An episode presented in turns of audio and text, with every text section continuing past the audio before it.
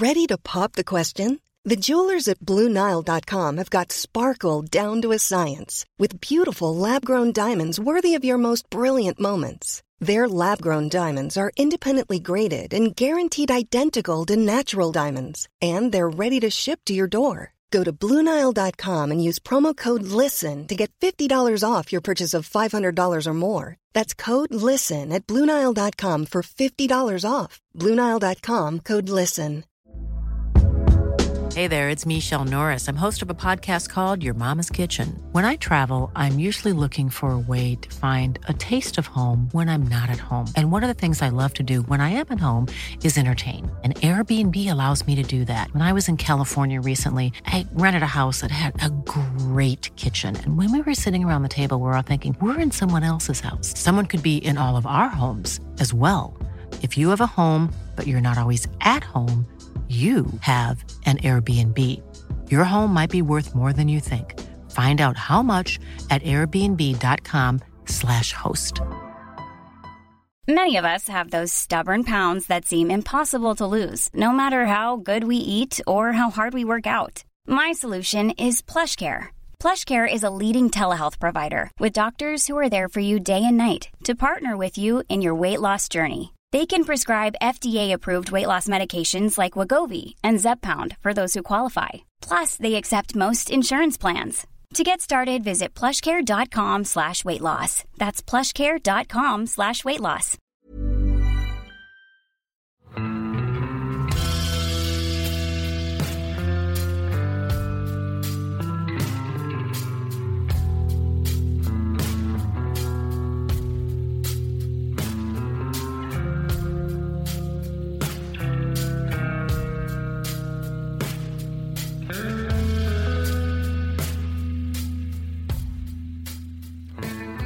Hei og velkommen til podkasten Uteliv.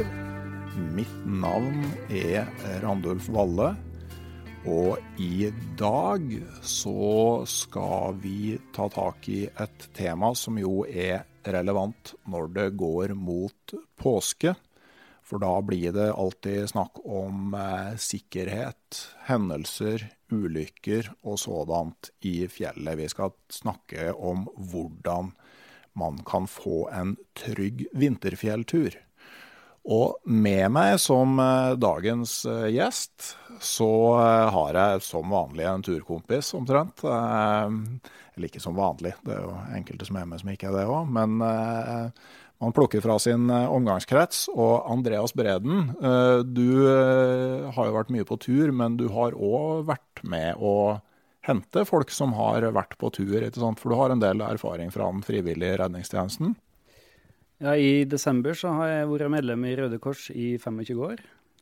Og så har jeg trent Redningssonen noen år, og satt òg som FORF-representant i Vest-Finnmark i sin tid.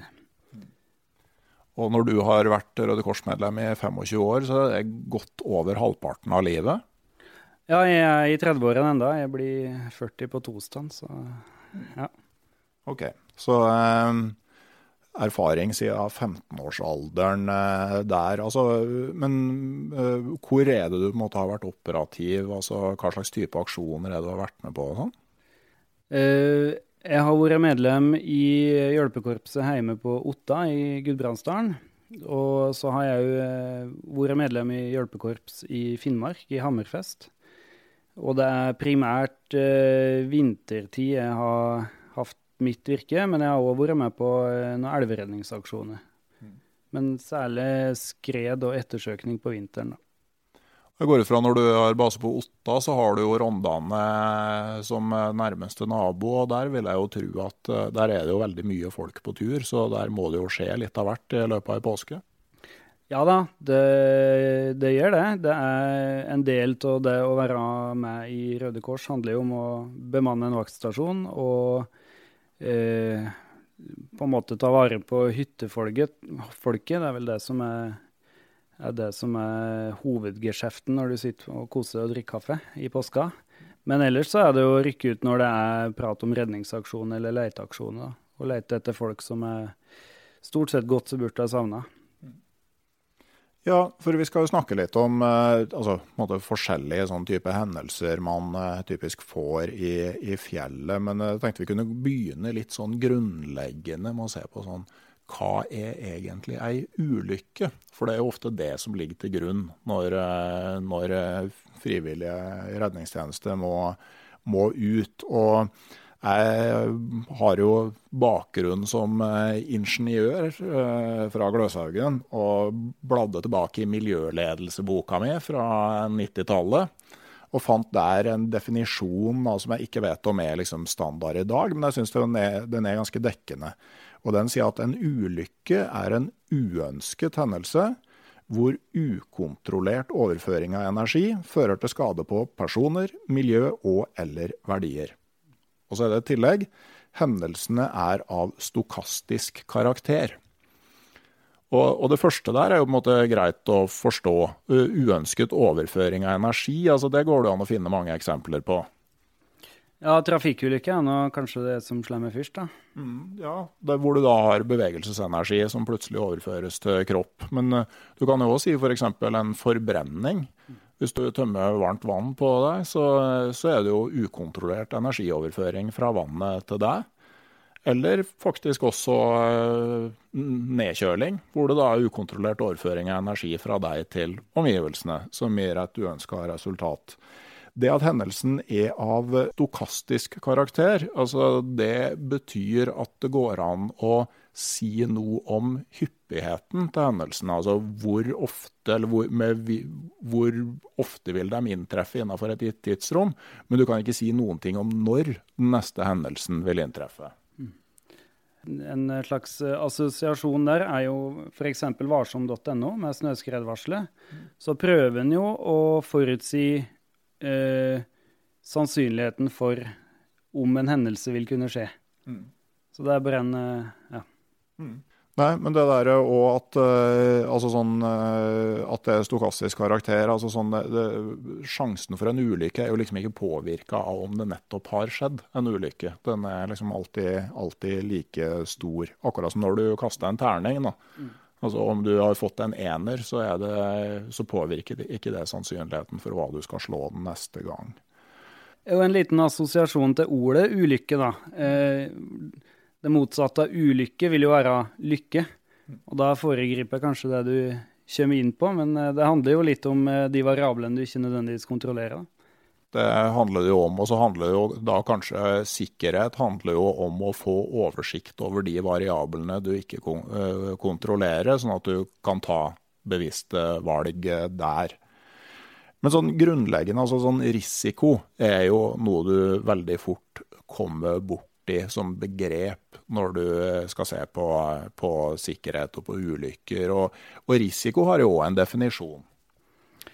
Ja, risiko er vel sannsynlighet gange konsekvens, eller multiplisert om en er matematiker. Det er ikke jeg. Nei. Nei, og det, det, virker jo kanskje litt sånn abstrakt, men i enkelte situasjoner så kan du jo gjøre det veldig, veldig konkret. Uh, Eh, de fleste som f.eks. har sett uh, 'Hjortejegeren', fantastisk film med Robert De Niro og sånn, kjenner jo til russisk rulett. Hvor man i større og mindre grad av tvang putter én patron i ett av seks kammer på en revolver, snurrer rundt og må trekke av. Da jo, kan du regne deg fram til at sannsynligheten for at det er en patron i kammeret, er vel 16,67% Og konsekvensen, hvis det er en patron i kammeret, den er 100% må man vel kunne uh, si. Og, uh, og, da kan du si at på en måte dødsrisikoen ved russisk rulett er 16,67% Det er jo veldig konkret. Nei, jeg, jeg strauk nesten til matte, så du må ikke se på meg. Nei. Nei. men samtidig så altså det, det, det, det risikobegrepet da egentlig da sier, da, at du må ha kontroll på enten sannsynligheten eller konsekvensen. Ja. Dersom konsekvensen ved en hendelse er fryktelig stor, så må sannsynligheten være liten. Mm. Og hvis det er veldig sannsynlig at noe kommer til å gå gærent, så må, eh, så må konsekvensen være eh, liten. Ja. Og det tror jeg skal vi prøve å ta med oss gjennom hele episoden. Det er med å prøve å huske på det med sannsynlighet og konsekvens. En, måte en visualiseringsmåte vil jo være å putte inn i en matrise. Der du, der du har fra, fra 0 til 100 da, langs begge aksene, på en måte. Så eh, skal du gjennomføre en risiko- og sårbarhetsanalyse, f.eks., så du, vil du se de to faktorene opp mot hverandre. Det er en ganske OK eh, måte å se det for seg på. Jepp. Men så er jo det problemet med risiko at vår forståelse av risiko er ikke nødvendigvis på en måte sånn reell i forhold til hva den egentlige risikoen er. For altså, det er jo en del sånn triggere for hva som får oss til å, føle at noe er risikabelt. Ja, én ting er jo at uh, oss baserer jo valgene våre på, uh, på erfaring. Uh, hvis jeg har hatt en, eh, en ubehagelig opplevelse en gang knytta til et eller annet, så vil jeg sannsynligvis tenke meg om en gang ekstra neste gang jeg skal eller oppleve det samme. Men så en annen variabel her er jo, eh, er jo alder og hjerneutvikling, nevrologisk utvikling. Jeg leste noen artikler for noen år siden som viser at uh, uavhengig av erfaring, så er altså ikke utvikla godt nok til å ta gode risikovurderinger før oss er oppe i Jeg tror det var eh, Der er det for kvinner mellom 6 og 28 år, var det de to artiklene ellers. Og så var det menn var 7 til 29 år. Så kvinner er jo et år tidligere ute enn menn der. Mm. Og det er jo veldig betryggende å vite at eh, du da kan kjøre bil i ti år før du er i stand til å liksom, forstå risiko. ja, det er jo et eh, interessant uh, tilfelle, det. Men så er det òg veldig viktig uh, for risikooppfattelsen om vi tvinges til å gjøre noe, eller om vi gjør det frivillig. Jeg har lest at vi godtar 1000 ganger høyere risiko hvis vi får ta valget sjøl, enn om, uh, om, det er ufrivillig. Det, det, er jo ganske strengt. Og så I tillegg så er det jo uh, sjølkontroll er jo en veldig viktig eh, parameter. De fleste, blir jo, eh, fleste er mer redd for å sitte på med andre i bil enn for å kjøre sjøl. Og, og, det å fly f.eks. oppleves jo som veldig risikofylt fordi at du ja, legger livet ditt i hendene til noen andre, og du gjør noe som du egentlig ikke kan sjøl. Og så har det jo, eh, Innen psykologien så er det jo forska på, eh, på, folk som er såkalt sensation seekers. Altså at de, de eh, oppsøker risiko. Og de er jo fullstendig klar over den risikoen de tar, men de er villige til å ta den fordi det gir dem noe positivt.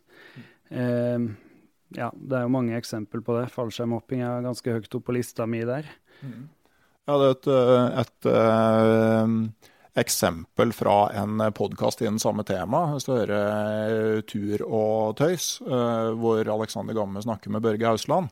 Så forteller Børge Hausland om eh, turen over Polhavet nå, hvor Mike Horn står og gynger litt ute på tynn is, bare fordi at han liker følelsen av det her. ja, det var herlig. Eh, så, og så er det jo eh, i tillegg òg altså sånn abstrakte ting, altså ting vi ikke forstår, er skummelt. Altså sånn, det at folk er så forferdelig redd for stråling og radioaktivitet, er jo et veldig godt eksempel på, på at vi oppfatter nok mange ting som farligere enn det er, at det er noe usynlig og noe vi ikke nødvendigvis forstår. Og så er det òg det at vi godtar mindre risiko hvis konsekvensen kommer med en gang, enn eh, om en kommer over tid. Altså Røyking er jo et uh, veldig godt eksempel der. Det sies vel at halvparten av dem som røyker, dør av det til slutt. Men hvis, det, hvis, du hadde gått i bakken og vært ferdig etter første sigarett, så, så ville jo andre, liksom, så ville nok færre folk ha turt å røyke. Ja. ja, nei, det gir mening, det. Mm. Men det, det, er jo litt viktig å tenke på da, når man er til, til fjells eller på tur òg, det at altså, sånn, man må prøve å være analytisk og ikke følelsesstyrt. For det er ikke nødvendigvis det du opplever som, som risikofylt, som, eh, som, er det. Altså, du kan ende med å gjøre dårlige valg. og Det var vel sagt etter terrorangrepene 11.9. Så eh, var det en periode hvor færre folk flydde i USA og kjørte bil i stedet. Uh, og at det vel, altså med, med bilulykkene med, my, altså, det var mye større sjanse for å dø i bilulykke enn for å havne i en sånn ny terroraksjon. Spesielt i tida rett etterpå. OK. Litt mer om det der med sånn på teorien her. Det finnes jo mange sånn ulykkesmodeller. Jeg refererer jo igjen til boka 'Miljøledelse' fra forrige årtusen her, det, som er min referanse til her. Men der har de en sånn dominomodell som beskriver en ulykke i fem steg. Hvor, først, hvor steg én er farlige miljøforhold. Steg to er egenskaper ved personen. Steg tre er farlige handlinger. Steg fire er ulykkeshendelse, og steg fem er skade. Og Da kan du da se for deg det her på en bilulykke, hvor farlige miljøforhold er glatt vei. Egenskaper ved personen. En uerfaren sjåfør, da, som vi nå har funnet ut under 28 år, eh, bruker ikke sikkerhetsbelte. Farlige handlinger, kjøre for fort. Ulykkeshendelse, kjøre av veien. Og skade, personskade så kan du jo si at der burde han hatt på seg sikkerhetsbelte, så hadde vi sluppet skade. Men, men, det som jo er poenget her, er jo at det er jo hensiktsmessig å stoppe den dominorekka her lengst mulig opp i kjeden. Altså mellom fire og fem, det er jo på en måte bare altså sikkerhetsutstyr. Når det kommer i bruk, så har det allerede gått gærent.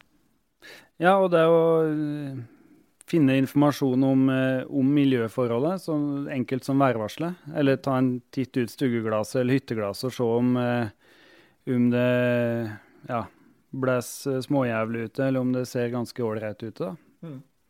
Så Det er noe med det der å eh, prøve å ta de, så, sånn, å forstå miljøforholdene, ta de riktige avgjørelsene og slippe å komme helt ned til, til ulykke og skade. Vi, kan, vi kommer nok innom den her igjen nå. Eh, men så er det jo det der med, med måte, det, å, å, være trygg på fjellet. Det handler jo veldig mye om å lese forholdene og ta de riktige valgene. Og det her er jo sånn som eh, Altså, en nybegynner og en ekspert har helt forskjellig innfallsvinkel til det er å lese forholdene og ta avgjørelser på grunnlag av det. Mm. Ja, et, eh, en modell eller en teori på det er jo Dreyfus-modellen. Eh, to brødre borte i USA som har logga en eh, teori på hvordan Eller hvilke faser vi er innom når vi lærer oss en, en ny ferdighet. Vi skal sikkert prate litt om den. En annen får en assosiasjon til, til Nils Faarlund, som prater om forskjellen på måte på eh, modellæring eller regelbasert læring, kontra det med å, å nærmest like, ubevisst trene opp kroppen og bevisstheten din til å bli kjent med naturen. da. Mm. Det var du som sendte meg en artikkel på det her med Dreyfus-modellen. og, og Sånn jeg forstår det, så starter du som nybegynner med at du deler opp situasjonen i enkelt komponenter, og så tar du avgjørelser på grunnlag av regler. altså Litt sånn med skred. altså Er det mer enn 30 grader? Har det snødd i natt? altså øh, Sånne ting. Og så utvikler det her seg etter hvert. Ja. Øh, en ting er jo snøskred, en, men jeg tenker at dette er jo noe som, som en ser eh, øh, så nyutdanna som eh, F.eks. innenfor det yrket jeg jobber med sjøl, der jeg jobber med å, med å prate med folk. Eh, og at kanskje nyutdanna lettere støtter seg på teoretiske forklaringer når de skal utøve yrket sitt, enn en som er litt mer erfaren og støtter seg mer på erfaringa si. da. Mm. Som en slags, like, eh, en slags forskjell der. Ja, og når folk blir veldig erfarne, så har, har jeg liksom inntrykk av at da har man egentlig litt sånn problem å, med å forklare hvorfor man tar de avgjørelsene man gjør. Ja, et eksempel i helga var ganske artig. Jeg var på, jeg var på kurs med, med, NVE, og han eh, som var veilederen min den første dagen, han er en eh, meget eh, erfaren person. Han iblant så brukte på meg, min opplevelse var at han brukte mye eh, tankevirksomhet på å rett og slett klare å ordsette det som han eh, ser etter når han skal ta, eh, gjøre vurderinger til snø, eh, snødekket. Eh, fordi at han var så intuitiv i det han driver med til vanlig. Mm. Ja, for var et, det var et skredkurs du var på? Ja, det var observatørkurset til, til NVE mm. på Filefjell.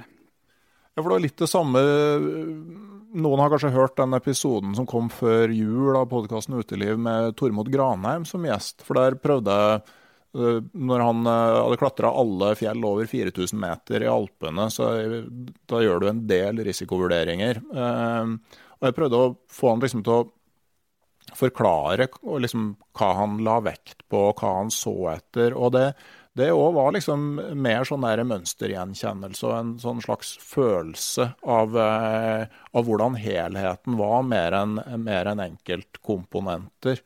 Og det, det, er jo litt sånn fascinerende at når du blir sånn, eh, får ting i fingerspissene, så vet du ikke lenger helt hva det er du Eller sånn, du, det er ikke bevisst, altså det er en ubevisst greie å eh, se områdene rundt. Mm. Ja, en parallell der er jo, eh, er jo de som driver med elvepadling. De har jo Altså, det sitter jo helt eh, Det skjer helt automatisk. om de velger den ene eller den andre linja i elva. Mm. Og hvis en skal gå inn og spørre dem om det etterpå, så er det ikke sikkert de klarer å forklare det, for det er noe de bare har gjort og gjort og gjort. Jeg vil òg tro at faktisk sånn som laksefiskere, så de virkelig drevne folka, altså de vet ikke nødvendigvis hvorfor de legger ut kastet akkurat der og akkurat sånn, men eh, det føles bare riktig ut fra strømforholdene. Og, og det kan jo også Fotballspillere vil antagelig òg være et eh, bra eksempel. Altså En som begynner på opplæring på venstreback, er nok veldig opptatt av å se rundt seg for, for, liksom, for, å få riktig plassering i forskjellige faser av spillet. Så har du på en måte masse instrukser å følge. men når du er, har spilt eh, på høyt nivå i ti år, så gjør du bare ting uten egentlig å vite hvorfor du eh, plasserer deg som du gjør. Ja, og samtidig så er det jo eh, For jeg henger med på den her fotballspillerbiten her. Det er jo, det er jo talent innenfor fotball som tar de tingene her mye fortere og ikke krever like mye erfaring før ferdigheten sitt som det gjør seg andre. Og kanskje er det lek med risikovurdering eller andre ferdigheter òg, at oss har Kanskje det finnes talent innen, risikovurdering, ikke vet jeg. Det ville være rart om de ikke gjorde det der som andre plasser. Og så, og så handler det òg litt det, det om å, å, tenke sikkerhet på tur. Det, tenker at det handler en del om trening. Og det å tenke beredskap altså For min del så er ikke det på en måte en sånn tanke jeg kler på meg som en dunvest når jeg skal ut på tur. Det er mer noe som jeg jeg har med i, i hverdagen. Jeg vet ikke, du Andreas, når du, når du setter deg på et fly, teller du rader til nødutgangen? Jeg gjør nok det. Og i tillegg så skal jeg innrømme at det siste jeg så på i gangen før jeg gikk eh, fra hjemme før i dag, det var en bag. Oppi, jeg bor i fjerde etasje og har balkong, og i den bagen så har jeg klatreutstyr. Eh, så hvis det skulle begynne å brenne, så vet jeg at jeg skal eh, vente til brannvesenet. Men jeg hadde nok kasta på klatreselene på både meg sjøl og bikkja og rappellert ut. Ja, jeg har jo soverom i andre etasje og har tenkt igjennom hvordan Altså, vi har jo en brannstige, men det er ganske langt ned. og Så tenkte jeg gjennom sikringsutstyr. Og, og, det er ikke tilfeldig hvor man legger fra seg snøen om vinteren. Sånn at det faktisk er mulig å ta et hopp der man ikke kan gjøre det om om sommeren. Uh, jeg er nok sånn, litt sånn miljøskada, kan du si, på det her det begynte med. Eller sånn Jeg har hatt relativt forsiktige foreldre, men så var liksom veldig bevisstgjørende å planlegge Nordvestpassasjeturen sammen med Bengt Rotmo, som var veldig bevisst på å tenke scenarioer. Altså hva er det som kan bli livstruende? Eh, prøve å forutse det, og prøve å gjøre gode grep. Altså En ting vi gjorde, f.eks., vi tenkte at teltbrann er forferdelig krise når det er 35 kuldegrader og stiv kuling. Så vi hadde alltid dunjakka liggende ute i pulken. Og vi hadde pulker som var lange nok til at vi kunne sove i dem, eller ligge i dem. Og vi hadde fullt sett med skallbekledning og skisko i reserve ute i pulken. Sånn at eh, Altså at uh, Det var på en måte vårt svar på noe av det vi så på som den aller største risikoen. Mm. Ja, det høres jo ut som en reduksjon av konsekvensen det dere foregrep der, da. Ja, definitivt. Og så har, jo, har, det jo på en måte egentlig bare blitt uh, forsterka. Så jeg har jo vært uh, sammen med Hilde og gift i ganske mange år etter hvert. Og hun har jo jobba mye operativt i olje- og gassbransjen. Og der òg er jo det her med sånn med konsekvent sikkerhetstenking noe du blir, blir drilla i. Og, og, det er sånn på et hotell òg. Altså, har du, du, har tenkt gjennom hvordan du skal komme deg ut? ikke sant? Ja, jeg, det er jo en ting jeg gjør, men jeg skal jo innrømme at jeg har jo bodd på noe hotell der, eh, der jeg har tenkt at uh, her, jeg, her, må jeg på en måte legge bort det, det der, da, for det har vært for kaotisk. Ja, at liksom bare sier at her blir det faktisk vanskelig å komme seg ut hvis, ja. det, hvis det, skjer noe. Det, men uh, nei, jeg tenker sånn Det var for noen år siden jeg var på besøk hos en familie hvor, hvor far bygger klatrestativ til ungene, og det er jo helt konge. Det var kanskje sånn tre meter høyt. Og, og var ferdig, så det var en sånn extension og utvidelse i en eller annen retning han drev med. Og, og, og så Han legger fra seg hammeren oppe på den tre meter høye plattformen, mm. Mens ungene leker både på stativet og under. Og da, da rykker de med. For uh, det, hvis du begynner med den der rekka med dominomodellen, så har du farlige miljøforhold. Du har en hammer som kan ramle ned, og du har egenskaper ved personen. Altså du har unger som, som ikke skjønner at det her er farlig, og som kan komme borti hammeren i ufarvaren, de kan kaste den ned. Da har du farlige handlinger. Og en hammer som ramler tre meter, Eh, den kan drepe en unge hvis den uh, treffer riktig. Så jeg tenker sånn, Her har du kanskje ikke den største sannsynligheten, men du har en helt forferdelig konsekvens. Og da kan ikke den hammeren ligge der. Ja. ja, en annen ting er jo, eh, er jo heimebryggere. En del menn. En del voksne menn som driver og brygger øl. En del menn som brygger øl og drikker øl samtidig. Kokende vørter. Eh, jeg er egentlig overraska over at jeg ikke har hørt mer eh, dårlige episoder eh, om, om, det enn det som kommer ut. da. Ja, Kanskje såpass flaut at uh, Men der er jo sånn der, typisk når du har Det beste er jo sånn som her, da, og at den tankegangen der gjør at du får slått inn langt oppe i dominokjeden og får stoppa ting eh, før det blir farlig. Men, men også det er at eh, Så det er den ene tingen du oppnår ved hele tida tenke eh, risiko eller sannsynlighet og konsekvens. Men det, men det andre er jo da at når noe går gærent, så har du bevisst eller ubevisst tenkt gjennom hva du skal gjøre. Jeg merka det da yngste dattera mi fikk en kaffekopp utover seg. Jeg visste ikke at jeg hadde tenkt igjennom det scenarioet, men jeg hadde gjort det. For jeg husker egentlig sånn ganske rolig eh, På en måte ikke nødvendigvis den som tar føringa, men da sto jeg og brølte ordre. Og, eh, og, og, hun var i dusjen antagelig. For det, det er veldig vanskelig å bedømme tid i sånne situasjoner, men jeg tror det gikk mellom 15 sekunder og et halvminutt før vi sto og, og hadde på kaldvann. Og Det jeg tror jeg rett og slett er for at jeg hadde hørt om noen som hadde opplevd det samme, og, og visste hva de hadde gjort og hva du skulle gjøre. Ja, og så spørs det jo eh, Og så har jo en liten eh, klump med nevroner i hjernen som heter amygdala, altså faresenteret, som er forprogrammert eh, til å på en måte styre, styre den måten vi reagerer på i akutte situasjoner. Så der enkelte kan reagere med å fryse og kanskje kjenne på skam og skyld over å ikke ha handla eller gjort noe aktivt, så kan andre gå inn og være, være rene ledere, da, sjøl om de ikke framstår som noen ledere eller personlighetsmessig.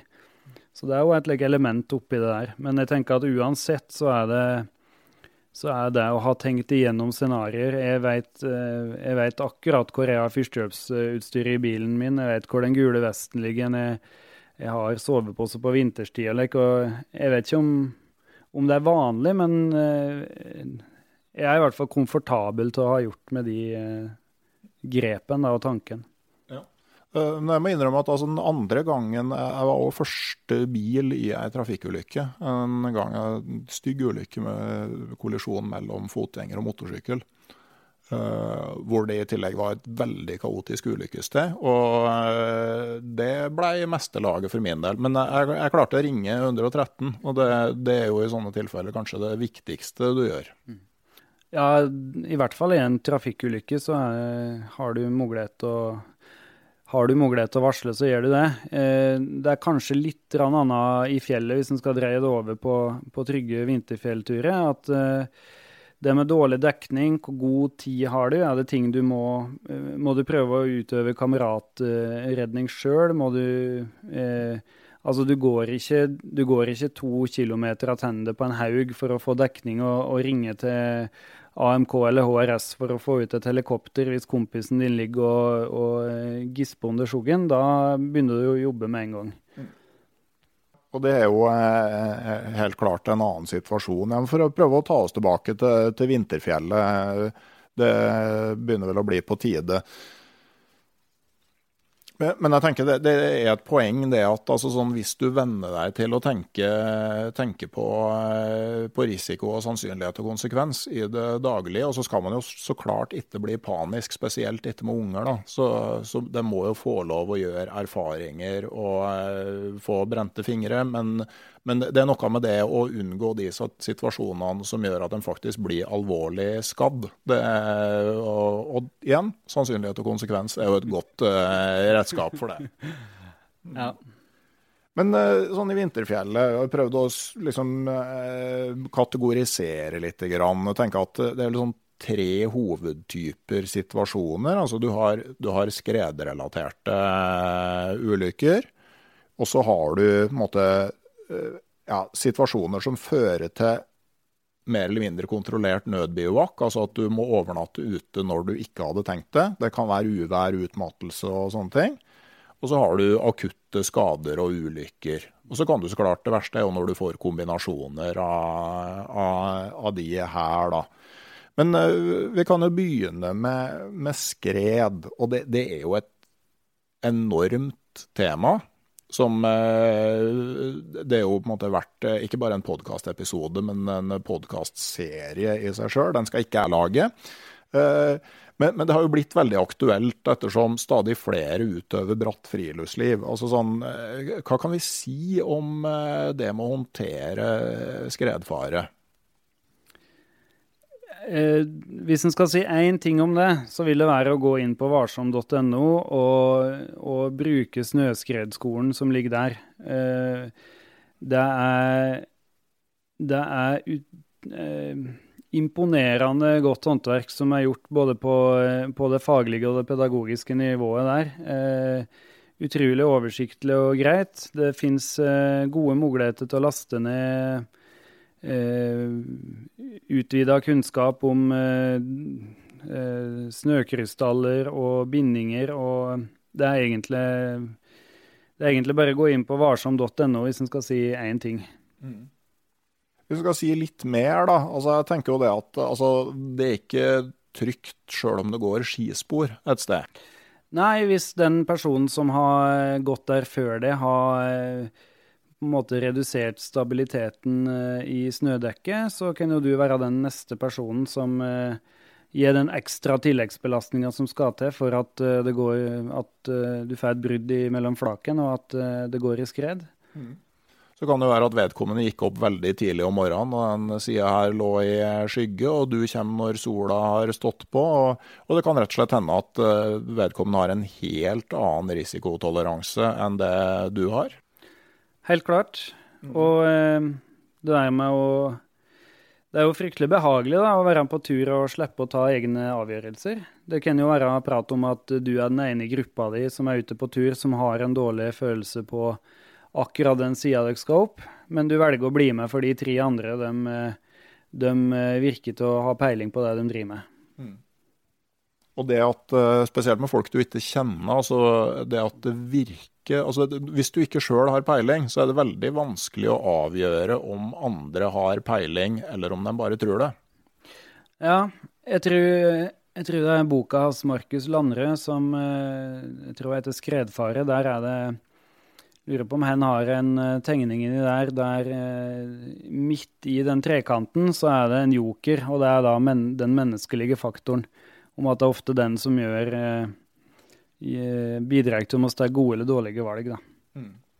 Og det er òg litt det der at eh, altså, sjøl om kompisene dine nettopp har vært på skredkurs, eh, så betyr jo ikke det heller at de kan alt. Nei, og for å hoppe attende til Dreyfus-brødrene sin modell på læring, så er det så mener jeg å huske at det er like at etter at du har vært på kurs, så har du en opplevelse av å ha høyere kompetanse enn det du reelt sett har. Og det bidrar da til at du kanskje tar det valget som, eh, som gjør at det går galt. Mm. Ja, for det er jo noe det at eh, Hva kan man si? At uh, god dømmekraft kommer med erfaring. Men erfaring er ofte et resultat av dårlig dømmekraft. Ja. Learning by failing. Ja, og det, akkurat når det gjelder skred, så er ikke det noe, noe veldig, veldig lurt. Uh, du kan jo si at altså, Kvister, skiruter og scooterløyper er normalt trygge, med vekt på normalt. Altså, De er jo lagt på en måte der man mener det er trygt, og på de tryggeste plassene. Men det har jo hendt eh, at i hvert fall scooterløyper har blitt utsatt for skred. Ja, både scooter og skiløyper. Eh, kanskje to ting som slår meg først, og det er jo om om er den personen som har kvista løypa, eh, kompetent til å gjøre de vurderingene som skal til. For at det har gått eh, bra de forrige årene, betyr ikke at det går bra i år. Eh, så det er nå én ting å stole på andres kompetanse. Den andre tingen er jo at, eh, at kanskje er, er nedbørsforholdene og vindforholdene osv. Så akkurat sånn i år at, at, den ene dagen så gikk det ikke bra. Og da er det jo et lek eh, en oppfordring vil jo være å laste ned Varsom sin, sin eh, app, Varsom Regops. Eh, gå inn på kartet, legge på, legge på bratthetskartet, og så bli litt kjent med, med appen gjennom og kanskje tenke seg at nå skal jeg gå en løype som vanligvis er trygg, men kanskje bli litt ekstra godt kjent med nærområdet sitt. Mm. Ja, Nei, og det, altså det er òg en øh, Det med sånn brattetskart, som du òg øh, finner på sidene til NGI. altså Det er vel ganske mange plasser du får etter hvert, de bratthetskartene. Men det er òg en veldig sånn bra ting å gjøre i planleggingsfasen av en tur. Altså øh, bli kjent med det området du har tenkt å dra på tur i. sånn at hvis du eventuelt ønsker å legge om ruta òg, så har du gjort vurderinger på sånne ting. Ja, og en ting er jo, ting er jo også å se eh, hvor bratt det er, men en annen ting er jo også å tenke på hvor, hvor langt vil skredet kunne gå. For at selv om du, selv om du står utafor den eh, 30-graderen, så stopper jo ikke skredmassen ved 30 grader. De vil jo gå mye lenger, så det er en ting å tenke på. Mm. Jeg husker jeg var på påsketur i Sarek nasjonalpark. Der går det jo gjennom noen daler.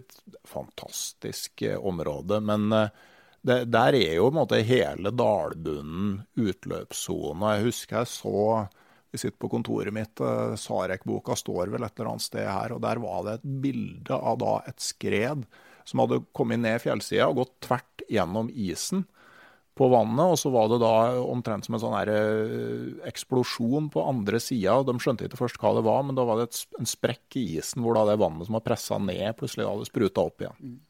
Ja, det skjedde jo på, skjedde jo på Bessvatnet i fjor eller året før òg. Så hadde det gått et naturlig utløst skred. Sli under isen, og så lurer jeg på om en så da eh, trykkbølgen hadde sli opp i isen på om det var på andre sida eller midt på. Men i hvert fall, eh, skred. Skal du ferdes i skredterreng, så må du ha både kunnskap for det, og utstyr for det. Og Der er det jo i hvert fall da søkestang og sender-mottaker som er obligatorisk alltid. Ja, og spade, så du finner faktisk grove ut den du er glad i. Jepp. Jeg tror jeg vi skal forlate skred og, og, heller gå over til det der med høyfjell. og altså sånn Nødbivak er jo veldig ofte relatert til dårlig vær. Jeg tenkte vi kunne begynne å, å mimre litt om tur, fra da vi begge bodde i Finnmark. Ja, kan jeg få lov å mimre fra første gangen jeg var eh, veileder på Røde Kors-kurs? Ja, gjerne. Hvor, hvor, hvor, gammel er man når man begynner med det på Otta? Jeg tror jeg var 1-22 år da. Og eh, for å gjøre ei, ei lang historie stutt, så endte det opp med en nødbivakering eh, natt eh, til søndag. OK, har du litt mer detaljer? Sånn hva, hva gikk gærent, eller? Ja, det var nok flere ting som gikk, uh, gikk galt der. Uh, det begynte Altså det begynte å føyke, det ble supp, så vi fikk uh, fokken midt i ansiktet. den GPS-en vi skulle få med oss ut, den ble ikke med ut av noen tekniske årsaker. den bua vi skulle sove i, den var låst. den ene personen på laget som hadde sjølrapportert eh, gode skiferdigheter. Eh, hadde ikke sti på ski på sju år. Jeg skal ikke si at han var fra Heidal.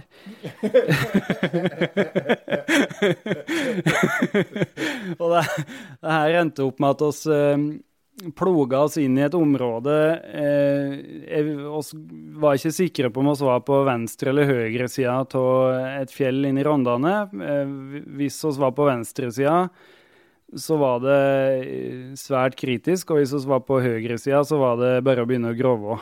Eh, det endte jo opp med at oss eh, nødbivakerte, og jeg tror det var det siste blusset mitt eh, ble eh, oppdaga av snøsk snøscooterpatruljer. Eh, det var en Bengt og en Arnfinn, dere vet sjøl hvem dere er. Eh, ganske stressa. Lekker i sekstida på morgenen. Da var det inn og få i seg frokost og rett ut på eh, skredøvelse på søndagen. okay, det er veldig bra når Røde Kors må ut for å redde seg sjøl. Men eh, læringsmessig, apropos learning by failing, eh, alle de som var med på laget mitt, eh, lærte utrolig mye av den, eh, den turen der. Mm. Ja, Hvordan var natta? Var det veldig ubehagelig? Eh, ja, det var ubehagelig. Jeg kjente jo på ansvar for de andre. Eh, jeg tror jeg ble ekstra skjerpa av det òg, til at jeg visste at nå, nå, er det jeg som må eh, prøve å være den modne og vaksige her. Eh, samtidig så var det jo noe med å, å på en måte se det kritiske eller potensielt kritiske oppi det. Vi hadde jo med oss utstyr osv., men, men eh, det å ikke vite hvor du er i fjellet, og det blåser og det er kaldt, og folk begynner å bli sultne og sløve og trette, det er jo ikke artig. Jeg må innrømme at jeg har ikke prøvd noe tilsvarende. For da vi var i Stabbursdalen for noen år siden, så, så eh, det ble jo ikke noe nødbivakt, men det var en ganske sånn ruskete dag. Vi lå inne ved Nordre Stabbursdalsvann, og så skulle vi Jeg husker hvor vi hadde tenkt oss en sånn egentlig. Ja, oss hadde, oss hadde ligget i telt, ja, stemmer det. Og det var Jeg, bare, jeg husker kvelden før. Da, da sto jeg i brynje og dunjakke og pissa og så opp. Og jeg tenkte at hvis jeg dør nå, så dør jeg i hvert fall lykkelig. For jeg har verken før eller siden sett maken til nordlys, altså. Og dagen etterpå så begynte vi å gå. Jeg husker at uh, jeg tror jeg gikk med Tule og du med Kanga, stemmer ikke det? Det kan stemme. Bikkjene mine. Ja. Mm. Og så uh, gikk oss ganske langt og skulle til ei gamme som lå ganske langt nord, nordvest i Stabbursdalen. Ja, men, men, jeg tror ikke egentlig at det var den gamma som var målet for dagen. Det tror jeg blei etter hvert. For det at, at, vi egentlig hadde tenkt oss til et annet vann og slå opp teltet eller noe sånt. Men når vi, altså akkurat nede i gryta ved Stabbursdalsvatna så var været rimelig greit. Men når vi liksom kom opp av den, så blei det ganske fort verre. Ja, jeg husker, jeg husker at vi hadde vind i ryggen. Og så hadde ganske bra driv. Og så husker jeg at det begynte å bli eh, det begynte å bli litt kaldt. Det begynte å bli dårligere sikt. Mm. Eh, og så husker jeg at pausa den gikk fryktelig fort, for at vi orka ikke å stå så lenge. Eh, og så begynte vi å nærme oss et skogholt oppe i nord der. Mm. Ja, og jeg, jeg, tror vi, altså, sånn som jeg husker det, så valgte vi å legge om kursen og ned mot Stabbursdalselva og ned mot Bjørkeskogen fordi at det blåste mer og mer, og vi merka at vi begynte å bli mer og mer nedkjølte. Ja, det stemmer det. Og så husker jeg at uh, Tule begynte å bli litt grann urolig, her nå. Han klarte vel å slite seg fra uh, selene sine på et tidspunkt der, var det ikke det? Ja, ja, det var et eller annet, og at man begynte å liksom sy... Altså, han var jo en stor uh, eller sånn en bitte liten gutt, inn, litt forsiktig og engstelig innestengt i en veldig stor kropp, den grønlandshunden der. Uh, så jeg tror han, han, begynte å bli litt sånn der angstfullt. Men jeg husker at vi prata om, eh, om er, er det her det er tidspunktet vi skal slå opp teltet på, eller skal vi, eh, eh, presse oss videre inn, da. Mm.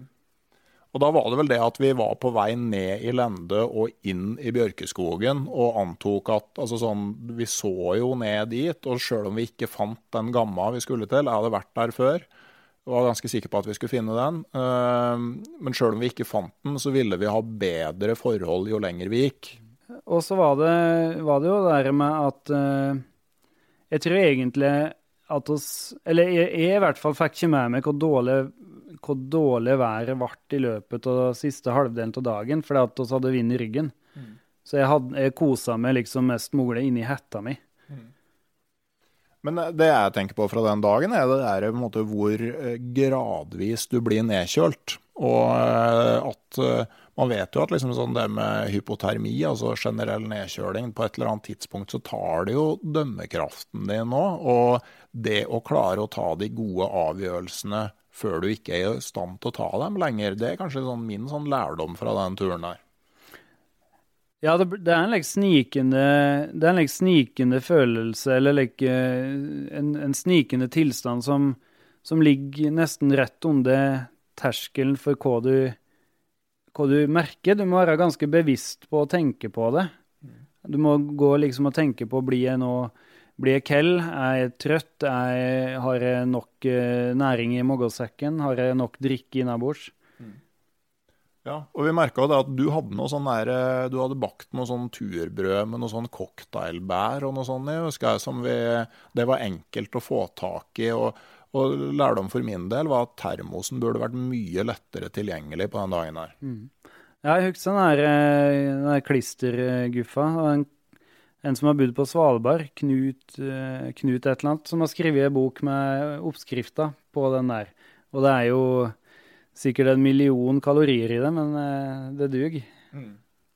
Ja, og, og, noe som er da, på sånne dager som det der, så du bruker jo kolossalt mye energi, for kroppen bruker energi både på å gå, men også på å holde varmen.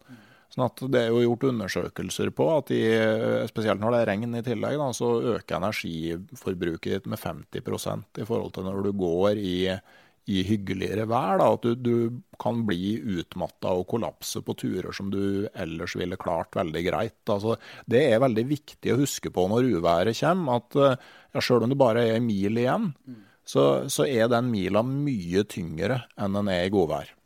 Ja, En annen ting jeg husker som vi var gode på, det var Eh, for det var en like, desiliter eh, nivåmåling på drikkeflaskene våre.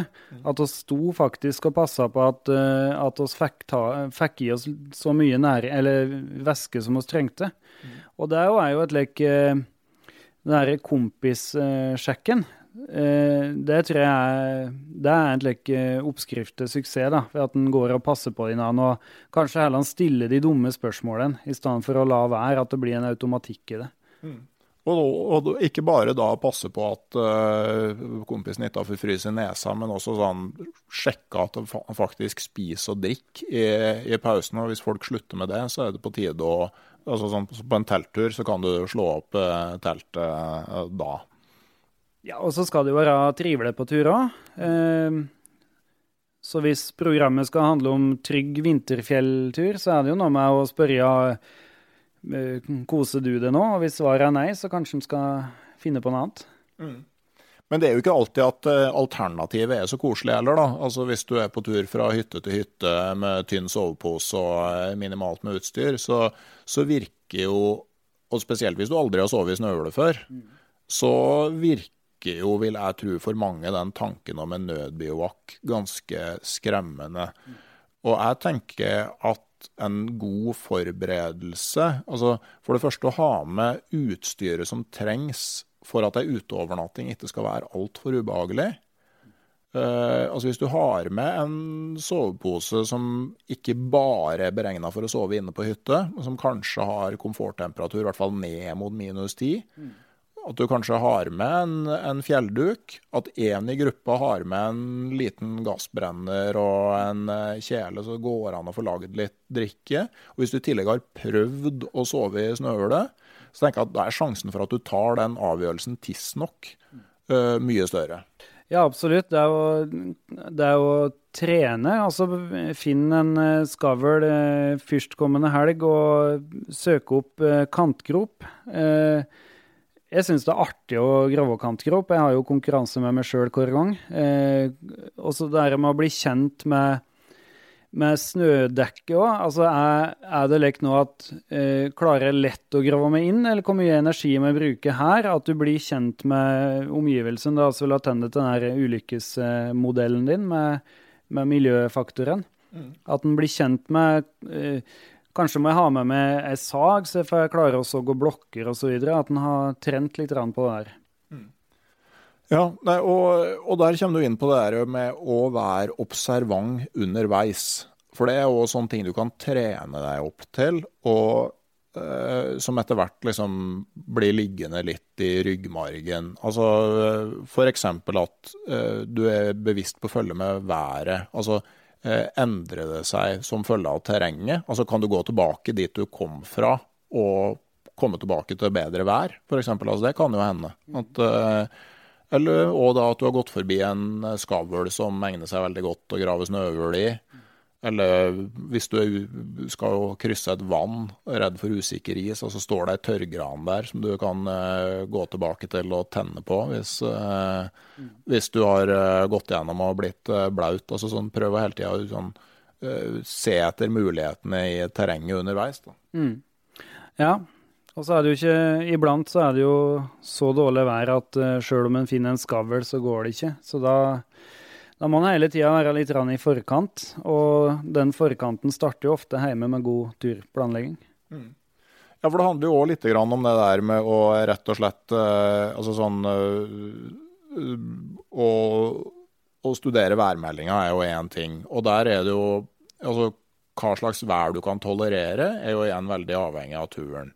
Altså uh, skal du på en skogstur i Nordmarka, så, så, det, så, kan du tåle ei værmelding som kan gi litt av hvert. Skal du gå en, en ryggtravers eh, hvor du er helt avhengig av å finne de riktige passasjene ned igjen, så eh, da er risikoen mye større, ikke sant? Og eh, nei, ja, konsekvensen er veldig stor hvis du ikke klarer å få til det. Mm. Og da kan det ikke være noe stor sannsynlighet for værforhold som gjør at du får problemer. Sånn at du, du må studere værmeldinga ut fra den turen du har tenkt å gå.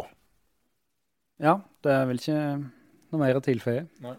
Jeg kan jo tilføye at Yr er jo et veldig godt hjelpemiddel, men også Altså, det er ikke noe sånn Det, det er ikke eksakt. Altså, du kan, du kan, ikke vite at det blir akkurat som det er på Yr. Mm.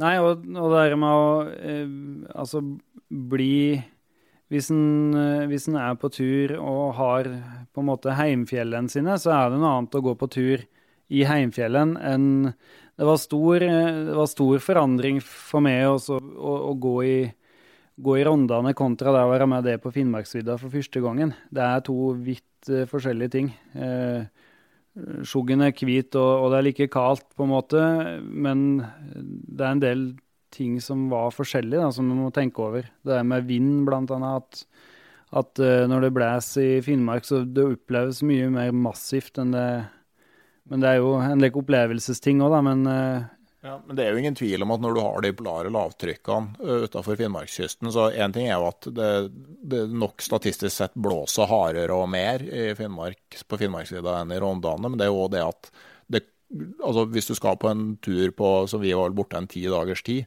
så har du ikke oversikt over værmeldinga i den perioden. For polare lavtrykk kommer såpass fort at, uh, at, uh, at de kommer, kommer, kommer, og tar deg.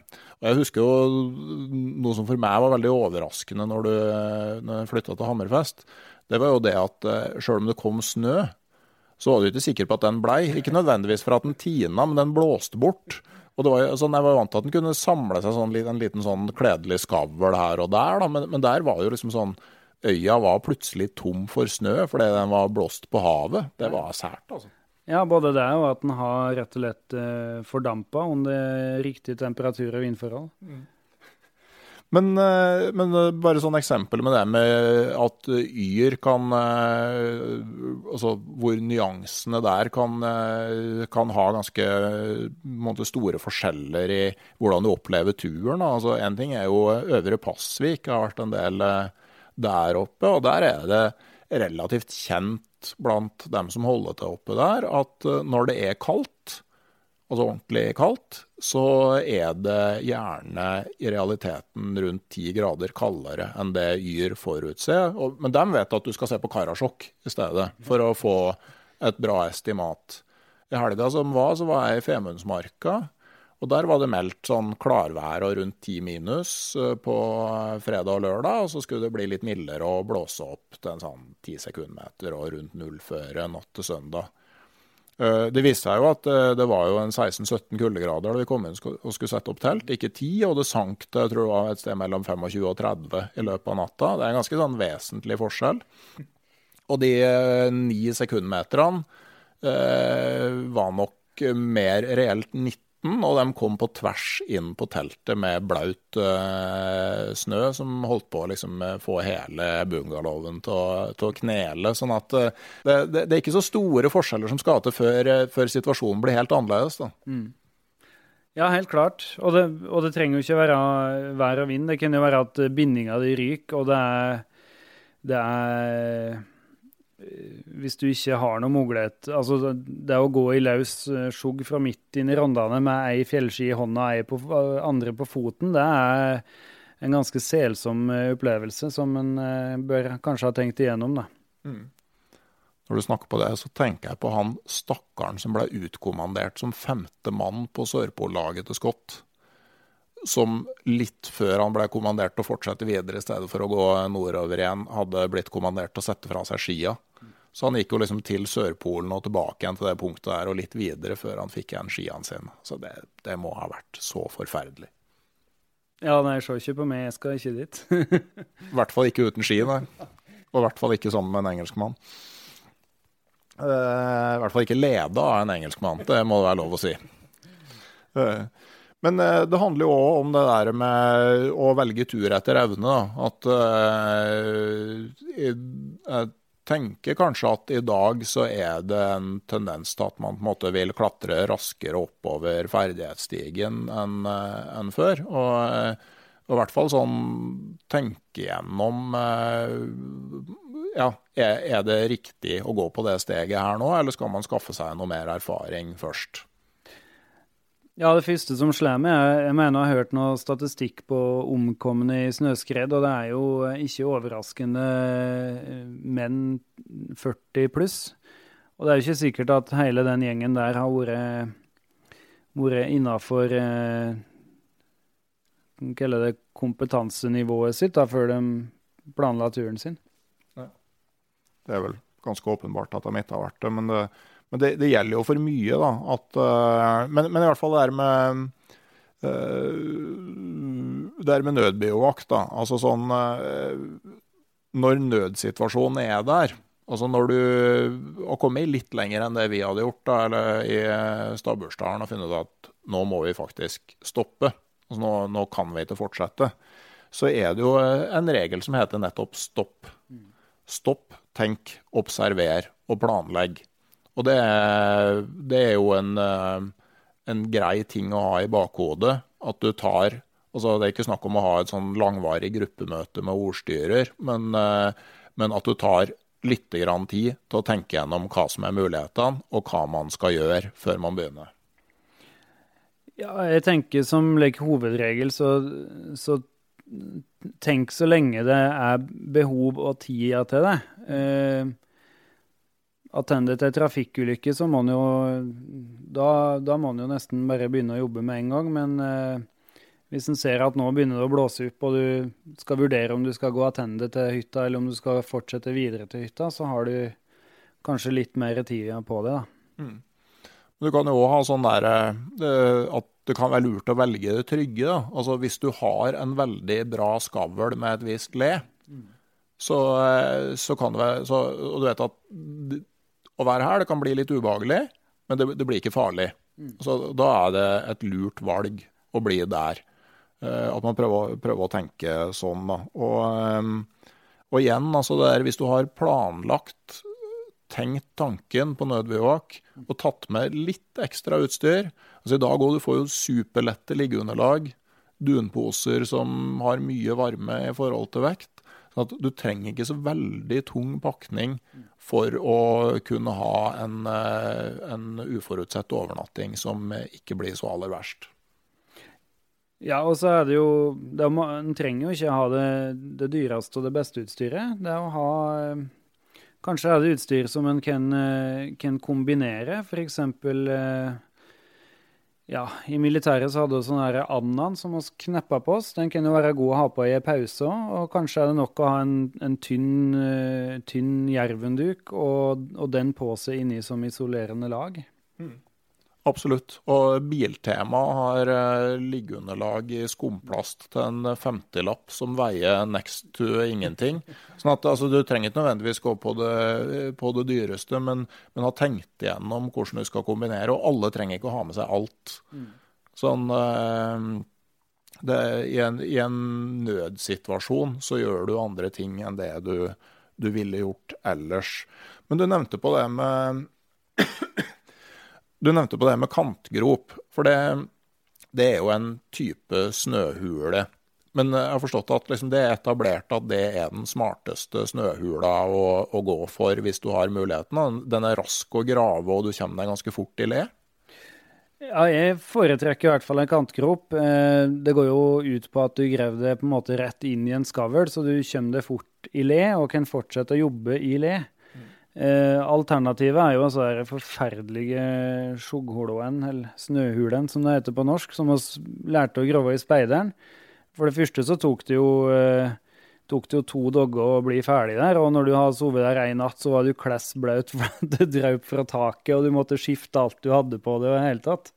Så eh, da, da, står den jo liksom med et dilemma, da. Skal du, sjøl om jeg setter ørlite grann på spissen der, grove ei, ei skjoggholo, skal du da gå for den måten du er trent på og veit eh, hva du skal gjøre, eller skal du prøve det på noe nytt? Mm. Eh, Sjøl om en da hører, hører på en podkast at et kantgrop er, er, på en måte eh, å foretrekke fra de to som prater, så kan det godt hende at du skal gjøre det du har prøvd før. da, Det du, du veit eh, fungerer for det. Mm.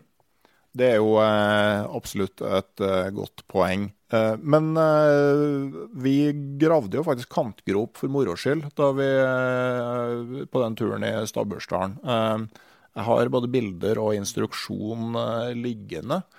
Så jeg tenkte jeg skulle legge ut det på Facebook-sidene til podkasten Uteliv. Du kan gå inn der, og så kan du se på instruksjon på hvordan grave kantgrop. og så kan du jo faktisk bruke enten helgene fram til påske eller påska på å øve på å grave kantgrop og sjekke om det er en uh, metode å ta med videre. Og er det dårlig vær, så kan du prøve å slå rekorden min på 45 minutter. Eh, ferdig i sovepose, bikkja i pose og primusen på kok. Hmm. Utfordringa er altså gitt. Um, men det er jo da, altså Før så het det jo i fjellvettreglene 'grav deg ned i tide'. Nå er det vel endra til å søke ly. sånn at eh, det er jo da òg mulighet til å bruke fjellduk, f.eks. Eh, altså, er det Det er jo områder hvor det er lite snø. altså F.eks. østlig del av Dovrefjell, ja, til dels Rondane. Altså, Klarer du å finne le bak en stein, klumpe dere sammen eh, flest mulig personer inni en vindsekk, det, er jo, eh, det, det, sies jo at i de isolerte vindsekkene så er det i norske forhold nesten umulig å omkomme. Ja, det kan jo sikkert du mye bedre enn meg, men jeg har lest et eller annet om en Sintef-test og et eller annet om at det skal nesten være godt gjort. Mm. Det, det, er såpass godt isolert, ja. Det, men samtidig, når du, når du graver deg ned, så er det jo en nødsituasjon. Um, altså uh, Bare spørsmålet altså, er det OK uh, å ringe 113 for å si at du har det bra, hvis du ikke har noen andre å ringe? Bare så det ikke skal bli satt i gang noen leteaksjon?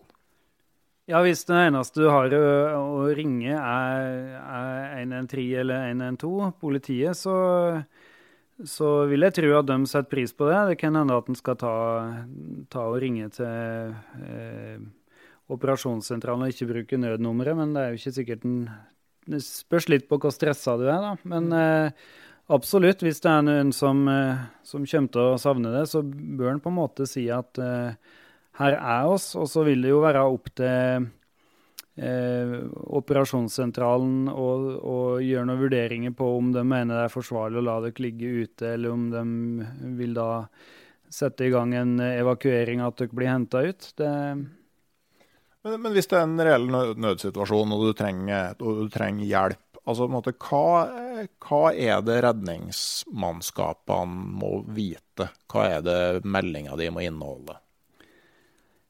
Eh, posisjon er jo én ting. Eh, hvor mange er det i følge? og eh, sier gjerne litt om, om følget sjøl. Eh, ofte så vil eh, politiet spørre om eh, bekledning og utrustning, eh, mat, drikke. ja, er det, andre, er det, andre, forhold som gjør at en trenger å bli henta ut, eller er det her noe som det kan brukes litt mer tida på? Ja, så det er jo de klassiske spørreåra hvem, var hvor, da. Og eh, sånn. Og, og ikke minst, altså, det jeg har hørt, at altså det, de vil bruke ganske mye energi på å prøve å bestemme posisjonen din best mulig. og det er altså Hvis du har dekning og bruker den 113-appen, som faktisk gir dem eh, eksakt eh, GPS-posisjon på det, det, det, er jo last ned 113-appen. Ikke bare for turer på fjellet, men sånn generelt er vel et godt tips. Absolutt. En annen ting er jo at eh, hvis det blåser eh, skikkelig, og, og, og en velger å grave seg ned, så vil det jo fort føyke igjen. Og det å merke hvor er det en er hen, da. Eh, at en setter ski, staver Prøver å, å, vise til hvor en er hen, slik at en faktisk kan bli funnet. da. At en ikke bare kommer til ei, ei hvit flate. Mm. Eh, hvor lett er det å se sånn type eh, sånne der nødraketter og lykter og sånne ting? Det skal jo være en viss sikt for å se det. En annen ting er jo at blåser det tilstrekkelig, så, så, går jo nødblusset noen meter opp før det havarerer like bortafor. Og da er det jo ingen som får sett det annet enn du sjøl. I tillegg til at det kan være en risiko med å skyte det opp. da. Så det, det, er ikke nødvendigvis i, i styggvær man bruker det. Da. Men, men eh, altså når, eh, når, eh, man får melding da, om folk som er i trøbbel i fjellet, hvordan, og, hvordan tenker redningsmannskapene? Hvordan legger man opp en sånn redningsaksjon? Ja, der er det jo Der kommer det jo an på en, en rekke forhold. Det ene er jo at, at Egensikkerheten må jo hele tida være ivaretatt for oss som skal ut. Det er nå én ting. Eh, det med skred, bekkedaler, is osv. Eh, en annen ting er jo om det er, er, det terreng som det går an å komme inn til med snøscooter eller, eh, eller annen type kjøretøy, ATV med belter eller osv. Eller må en må rett og slett eh, ut på en god gammeldags uh, leteaksjon med pulk og ski. Uh, en vil jo, altså i forhold til uh, Når en har en posisjon, så vil en jo, jo, legge en plan ut ifra å, å enten hente ut på den gitte posisjonen. Iblant så vet en jo ikke hvor en er hen. kanskje har en ikke nok strøm på telefonen. Kanskje er det er det en eh, bekymra samboer eller en eh, kompis som melder ifra, da har han straks en, eh, en leteaksjon der han kanskje har et gitt område å lete i. da. Mm.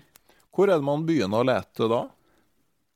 Ja, Det kommer jo òg helt an på, men det er jo altså, det punktet der en har noe etterretning på at, den, at, vedkommende sist var, det er jo i hvert fall noe som en vil kunne gå ut ifra. Eh, er det et sted med, et sted med hytter, f.eks.? I eh, Rondane så er det jo noen steinbue som det vil være naturlig å oppsøke og se om en har tatt seg inn der.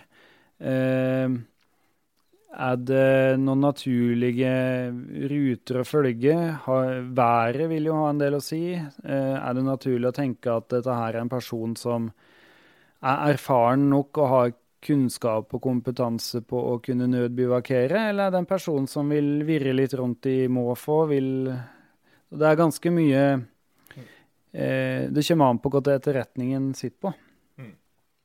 Men, eh, men, det å, altså sånn, å bli på hytter, f.eks. hvis du klarer å ta deg inn i ei hytte, så er jo det, er jo det et eh, godt tips. Og så, så tenker jeg jo at eh, når du virkelig er i nød, så er det helt andre regler som gjelder. Altså du må på en måte klare å tenke litt grenseløst, tenker jeg. Altså Eh, jeg fikk et sånt bilde av Helge Jordal i Orions belte mm. på Svalbard, hvor han kommer skikkelig nedkjørt inn i ei gammel fangsthytte og prøver febrilsk å få fyr på en sånn parafinovn, tror jeg, uten å klare det. Og så neste bilde så ser du da har han tent på hele hytta og sitter ute og varmer seg på, eh, på bålet. Og det er liksom bare husk på den. At uh, det er på en måte Altså, er du i ferd med å dø, så er alt lov.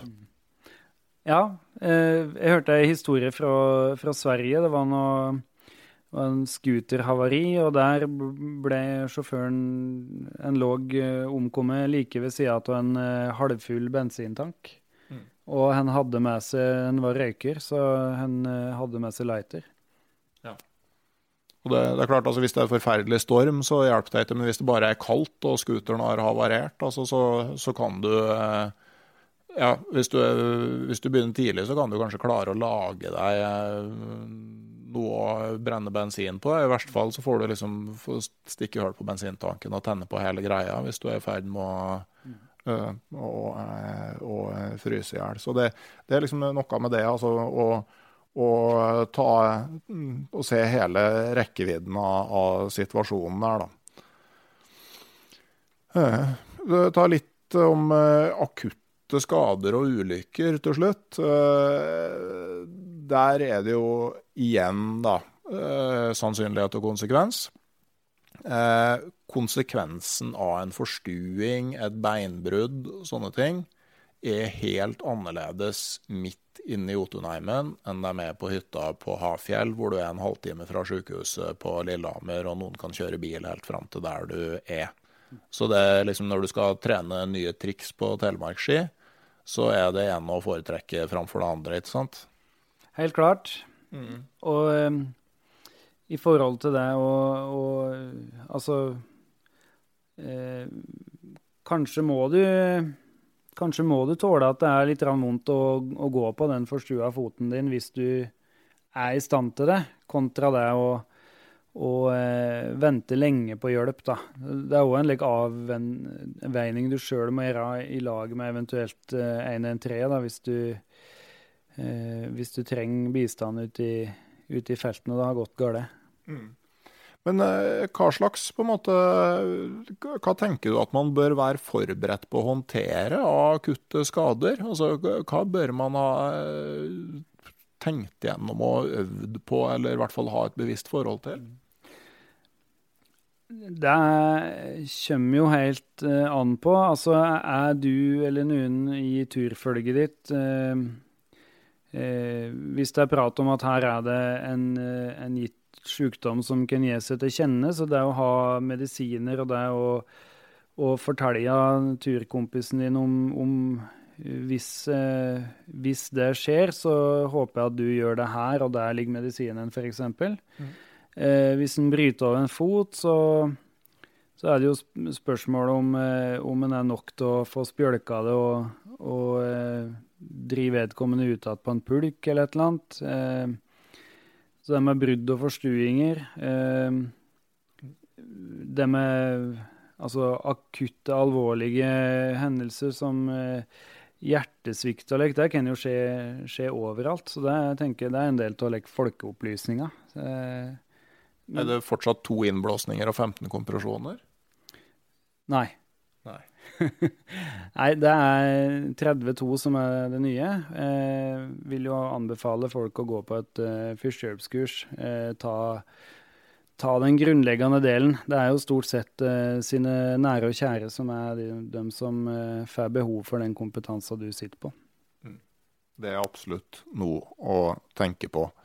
Uh, jeg tenker at faktisk sånn I påskefjellet så er det med snøblindhet og solforbrenning noe som virker veldig dagligdags. Men jeg slurva med solbriller på en tur alene i Øvre Anárjohka nasjonalpark i starten av mai og der er det ikke mange folk på den tida av året.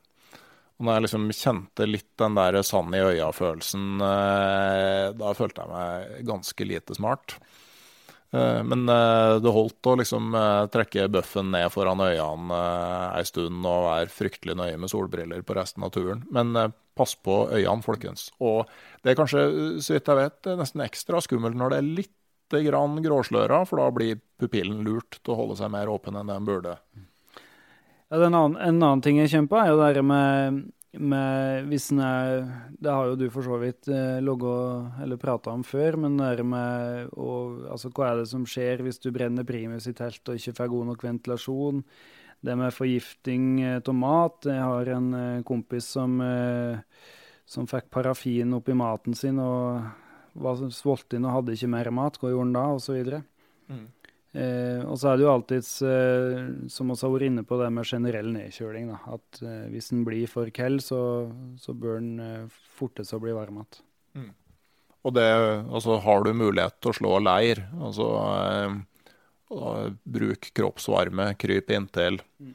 Bruk eh, Altså skal ikke gå sånn veldig dypt inn her, for det blir jo veldig mange sånn dersom og hvis og men, men ta, prøv å ta signalene tidlig på det med generell nedkjøling. Da, da er det på en måte snakk om å, å få varmen i personen. Eh, og så er det jo òg en del bra bøker om førstehjelp. Det er jo Friflyt forlag bl.a. som har ei lita snerten bok om, om førstehjelp uh, på tur, som, som, det ikke skader å, å, lese en del i. Mm.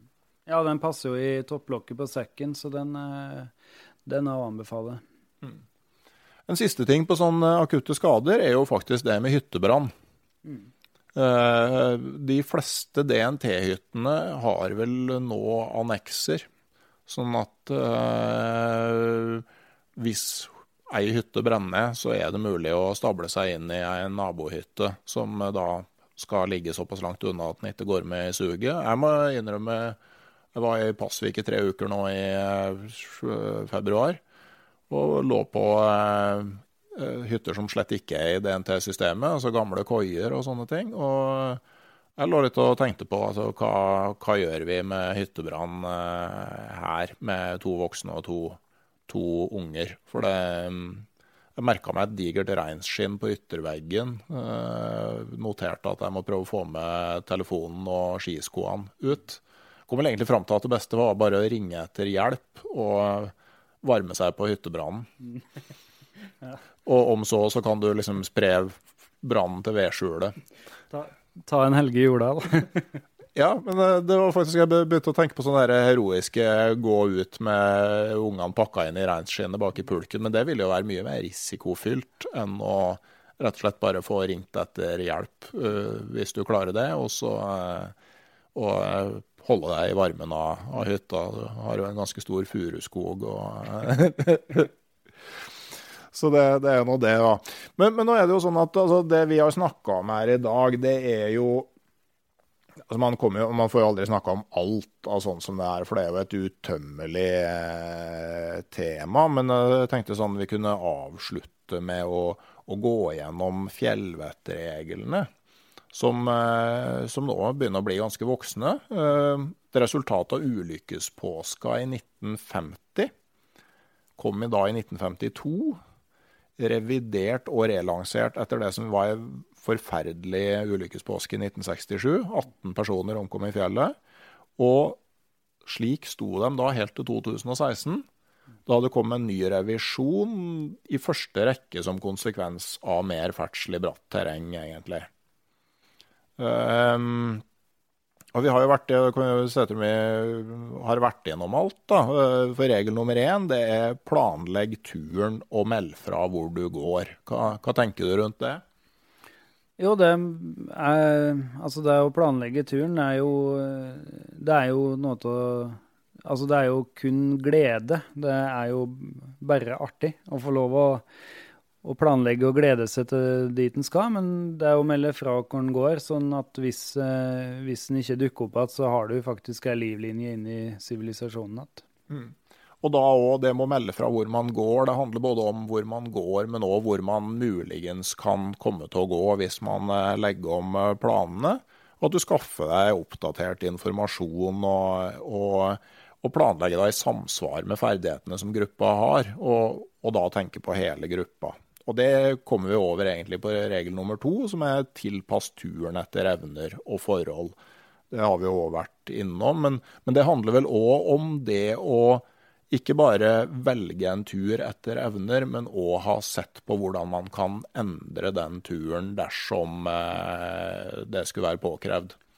Ja, det er, jo, det er jo altså tilpasse turen ikke bare i forkant, men underveis òg. Det tror jeg er en viktig ting å ha med seg. ja. Mm. Der kan jeg jo si at uh, Bengt og jeg i Nordvestpassasjen Den første, eller hovedregelen vår var jo at den som ville være mest forsiktig, hadde alltid rett. Og det skulle aldri diskuteres noe på det der og da. Kunne heller ta en grunnleggende diskusjon når vi kom i teltet om på en måte er det her for puslete, eller, eller var det riktig?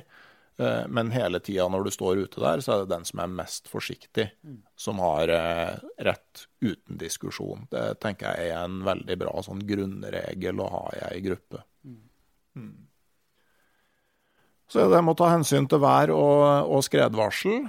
Det har vi òg eh, vært innom. men Varsom og, og, yr er jo gode utgangspunkter, men for begge to da, så er det ikke noe fasit.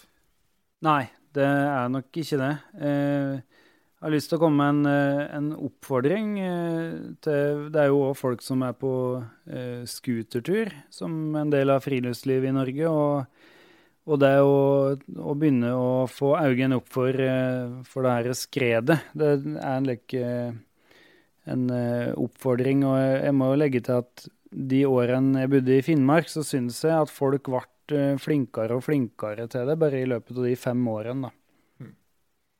Det er jo bra. Og så er det jo det med å være forberedt på uvær og kulde, sjøl på korte turer, sånn som vi snakka på, og gjerne da eh, eh, altså såpass forberedt at eh, ei uforutsett natt ute ikke blir altfor ubehagelig. Mm. Ja, altså i forhold til det med bratt friluftsliv, så, eh, så kan det blåse utrolig mye hardere på toppen. Eh, plutselig kommer det en nedbør, og da veit du ikke nødvendigvis hvor du skal renne det ned igjen. Mm. Og så er det det med å ta med nødvendig utstyr for å kunne hjelpe både deg sjøl og for å hjelpe andre. Der vi jo, eh, har vi vært innom en god del her. Mm. Og legge til det at uh, jeg vet at de som jobber på helikopteren rundt omkring, er glad i uh, refleksvester. Ok, Hva er det som uh, Er det noe søkeutstyr som viser dem, eller er det, er det, rett og slett lyskastere? Nei, det er jeg litt usikker på. Jeg bare vet at refleksen på, på en vest, eller andre typer reflekser, da, det gjør det mye lettere å bli funnet. Mm. Men det vi snakka på, var da å, å, eh, kunne ha med utstyr for å eh, overnatte ute, og, sånn at det valget ikke skal bli for, eh, for liksom, tungt å ta. da. Og så er regel nummer seks ta trygge veivalg, gjenkjenn skredfarlig terreng og is. Ja, og på Varsom-appen, eller på varsom.no, så ligger det òg isvarsel, eh, så vidt jeg vet. Så det er jo en ting å titte på hvis en skal ut på isen. Ja, og obs, obs, pass på regulerte vann, som i hvert fall på nye kart har en litt annen farge enn vann som ikke er regulert. Og utover eh, våren vær veldig obs på elver. Eh, det kan være lurt å legge ruta i en omvei, sånn at du kan krysse et vann i stedet for ei elv. Jeg husker naturen vi hadde 17. mai på vidda i eh, Finnmark. Ja. Da eh, kom vi oss over en liten bekk på tur inn. Og på tur ut så var det ikke bare en liten bekk i løpet av fire timer eller noe. Jeg tenker egentlig så går det litt kaldt ned ved ryggen på meg på at vi var nede på det laveste punktet i den eh, altså, For da kunne du få det der fenomenet med sånn sørpeskred, og det så vi jo andre plasser da vi dro ned igjen. Ja, det var jo en ispropp i brua oppe ved Aisarovi der. Ja, men vi så jo òg på andre sida oppi altså Det hadde kommet fra fla, omtrent flatmark. Så det, det, det, er kanskje noen bjeller som burde ringt på vei inn der. På vei ut igjen så husker jeg vi gikk langs en rygg og bare kikka ned på sletta og tenkte at her har det jaggu skjedd mye i løpet av noen timer. Ja. ja, og da blir en jo blinda av det fine været. da. Det var 17. mai, lå og sov i Lyngen og hadde en fridag, så det mm. Ja, nei, det, det, kan være på en måte, altså, Det er ikke alltid at det er dårlig vær som, eh, som er risikoen. Det kan være andre ting. Uh, ja, regel nummer sju, bruk kart og kompass. Vit alltid hvor du er. Fort gjort å glemme når du går langs Kvistad-ruter, at du skal eh, sånn Når du plutselig står midt i, midt i en hvit sekk, så, så, er det greit å hele tida vite hvor du er hen. Ja, og der er det jo det det med trening. Altså Hvis du ikke trener på kart og kompass, så blir du forferdelig dårlig på det til slutt. Og til slutt så glemmer du det og gjør feil. Det er sant. Um, jeg har jo blitt eh, etter hvert litt sånn der eh, berømt, skal du si, altså, eller berykta, for det der med GPS.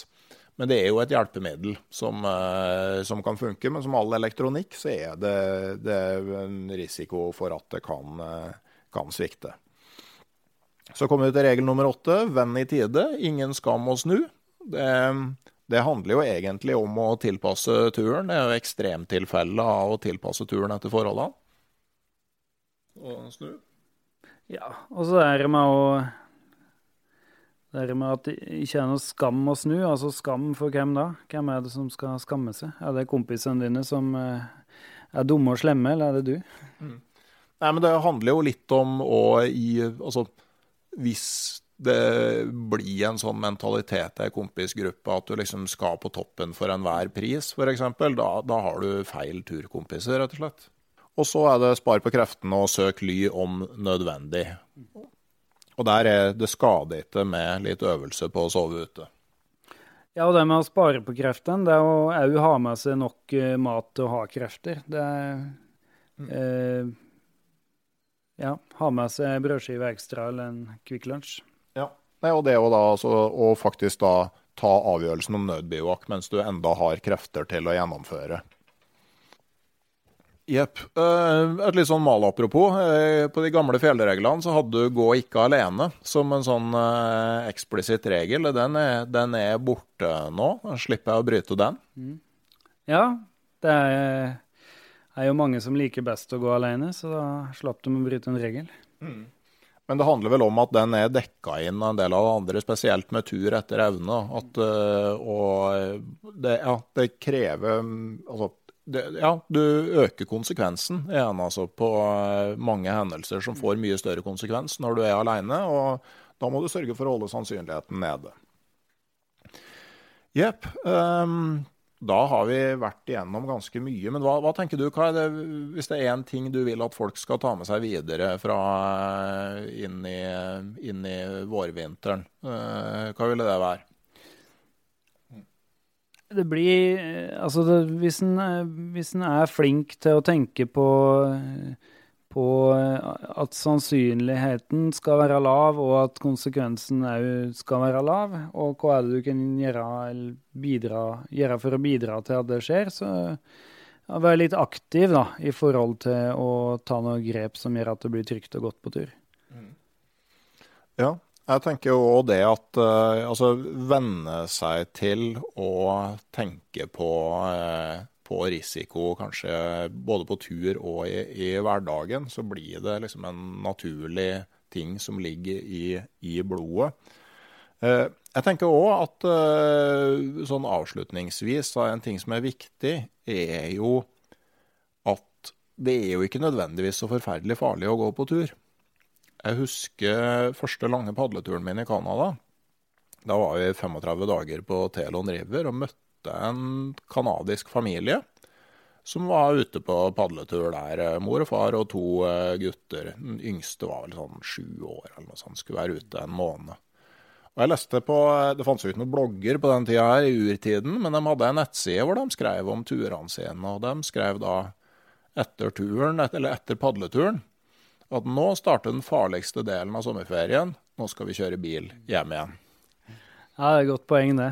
Og så er det jo like at eh, det skal jo være trivelig å være på tur. Eh, og stort sett så går det jo bra, men eh, det gjør det kanskje fordi en har tenkt eller handla klokt. Mm.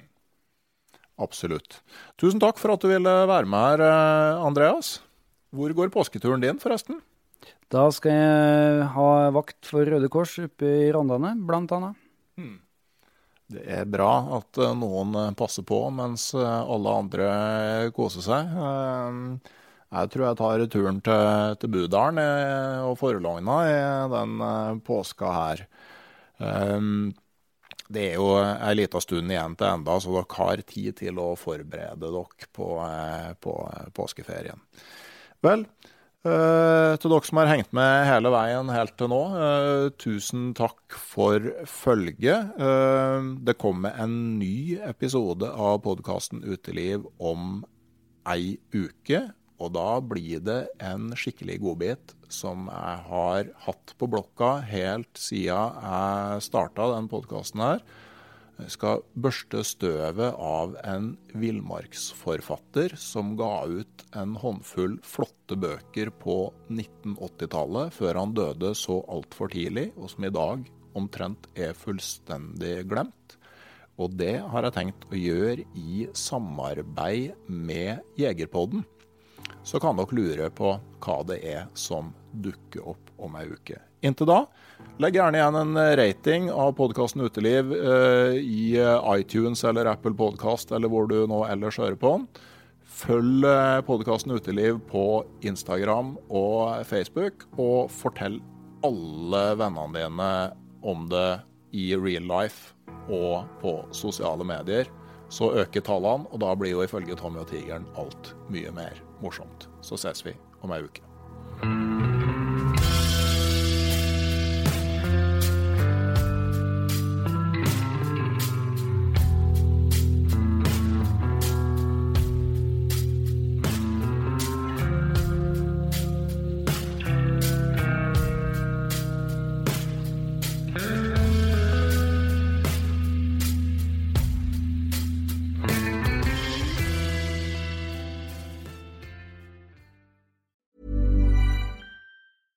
Planning for your next trip? Elevate your travel style with Quince. Quince has all the jet setting essentials you'll want for your next getaway, like European linen, premium luggage options, buttery soft Italian leather bags, and so much more. And it's all priced at 50 to 80% less than similar brands. Plus, Quince only works with factories that use safe and ethical manufacturing practices. Pack your bags with high-quality essentials you'll be wearing for vacations to come with Quince. Go to quince.com slash trip for free shipping and 365-day returns. Mom deserves the best, and there's no better place to shop for Mother's Day than Whole Foods Market. They're your destination for unbeatable savings, from premium gifts to show-stopping flowers and irresistible desserts. Start by saving 33% with Prime on all body care and candles. Then get a 15-stem bunch of tulips for just $9.99 each with Prime. Round out Mom's menu with festive rosé, irresistible berry chantilly cake, and more special treats. Come celebrate Mother's Day at Whole Foods Market. Hei, jeg heter Nore Helligsen og er daglig leder i Barents Outdoor. Det beste vi kan gjøre for planeten, er å redusere forbruket vårt og få mer ut av det utstyret vi allerede har. Men vi vet av erfaring at bruken av telt kan endre seg over tid. Det teltet du kjøpte for to år siden, passer kanskje ikke det behovet du har i dag. Derfor har vi i Barents etablert en egen panteordning der vi tar imot brukte telt av god kvalitet i innbytte når du kjøper et nytt av oss.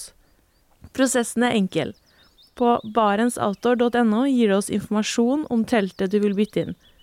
Basert på det får du et tilbud fra oss som gir deg rabatt på ditt neste Barents-produkt. Mer info og betingelser finner du på barentsoutdoor.no. Og husk at den første reparasjonen på produkter fra Barents er alltid gratis.